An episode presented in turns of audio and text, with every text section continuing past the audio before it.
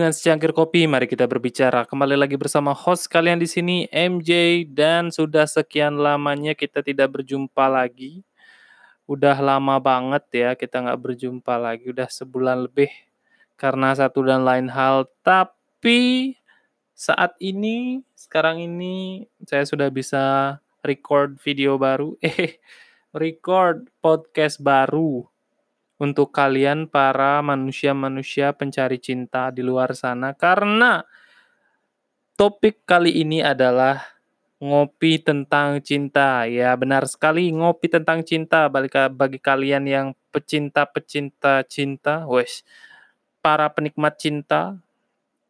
Pasti kalian pada LDR sekarang karena masih ada COVID-19 masih pada LDR ya, masih chat-chatan di WA, hubungan kalian mungkin berada di ujung tombak, nggak tahu pacar kalian berbuat apa, nggak tahu selingkuhan kalian berbuat apa, tapi tenang, tenang.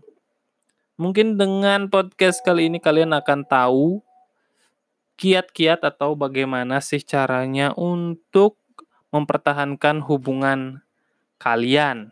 Tentu saja. Okay, stay tuned to this episode.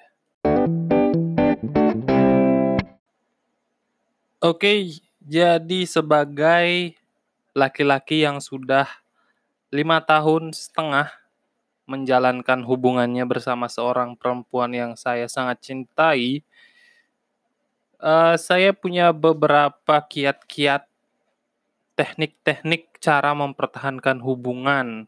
Oke, jadi bagi kalian yang ingin mendengarkan, silahkan dengarkan aja. Yang pertama adalah kalian harus berkomitmen kalau kalian sudah berani berkomitmen, pasangan kalian akan merasa bahwa kalian uh, adalah orang yang serius yang bisa diajak untuk ke jenjang selanjutnya. Tapi komitmen ini harus berasal dari dua belah pihak, jangan hanya dari satu pihak aja.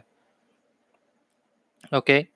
ada juga uh, mungkin ada pasangan kalian yang tidak mau berkomitmen. Tidak apa-apa, mungkin mereka perlu waktu untuk mulai berkomitmen. Tidak apa, jadi take time, uh, ambil aja waktu yang mereka perlukan, beri aja mereka waktu per yang mereka perlukan, tapi jangan terlalu lama karena kalau terlalu lama itu kelihatan seperti mereka tidak tertarik dengan hubungan yang kalian jalani. Itu yang pertama, komitmen, berani berkomitmen. Yang kedua adalah stay true. Kalian harus jujur ke satu sama lain. Kejujuran ini bisa dalam bentuk apa aja, tapi selama kalian jujur di hubungan kalian, kemungkinan hubungan kalian akan bertahan dengan sangat lama. Kemungkinan mungkin pasangan kalian uh, agak apa namanya uh, cemburuan mungkin kalian jujur bahwa enggak ya jangan jangan jujur kalau kalian suka sama orang lain ya. Tapi setidaknya jujur bahwa mereka bahwa kamu masih sayang dengan dia dan tidak akan berpindah hati ke orang itu. Jujur aja deh bagi laki-laki atau bagi perempuan, jujur aja kalian suka ngelihat cowok ganteng atau cewek cantik di depan kalian, jujur aja. Pasangan kalian pasti akan jujur pasangan kalian akan merasakan hal yang sama. Saya tahu itu karena saya uh, mengalaminya. So, jujur aja nggak apa, asal jangan jatuh cinta dengan orang lain. Siap, mantap. Yang ketiga, nah ini banyak orang yang ngomong-ngomong seperti ini ya. Bucin, budak cinta. Banyak yang jatuh ke dalam perangkap bucin. Tapi tenang, di mata saya bucin itu bukanlah bucin tapi rasa sayang, rasa kasih sayang terhadap pasangan Anda. Selama rasa kasih sayang ini, rasa cinta ini berasal dari dua belah pihak. Kalau dari satu pihak aja kalian disuruh kalian mau tapi baru kalian nyuruh dia dia nggak mau, ya itu namanya bucin, kalian bucin. So fix. Tapi kenapa sih bucin ini terkenal? Kata bucin ini terkenal. Kata bucin ini terkenal karena ya satu mereka merasa tersakiti, mereka disuruh-suruh, tapi nggak mau disuruh. Nah, itu bucin berawal dari sana. Ada juga yang asal sok bilang bucin karena mereka nggak ada yang ngebucinin atau mereka nggak bisa mereka pu mereka ingin mencintai seseorang tapi nggak bisa mencintai seseorang. Jadi bagi bagi mereka mereka itu uh, kesal sama orang yang bisa bucin ke orang. Ya, seperti itulah. Kemudian yang selanjutnya adalah apa adanya. Kalian harus menjadi apa adanya, tapi kalian harus tahu diri. Misalnya kalian memiliki sifat egois misalnya. Tapi kamu bilang kan kita harus jadi apa adanya. Enggak lah, kalian tahu diri lah.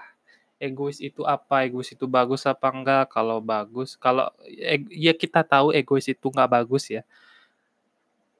Um, nggak boleh selfish, egois, nggak boleh dalam hubungan.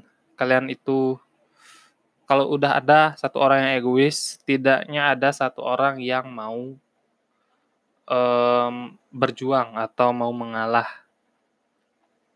Tapi bagi orang ini yang mengalah, jika dia aja yang terus-terusan mengalah, ya nggak tahu apa yang akan terjadi sama hubungan kalian. Kalian tahu sendiri. Jadi itu apa adanya, tapi tahu diri. Apa adanya itu ya ngomong aja sama sama pasangan kalian gimana, kenapa, bagaimana dengan hubungan ini. Apa adanya, tampil nggak perlu terlalu menor. Kalian bilang lah ke pasangan kalian, kamu itu tampilannya kayak gini.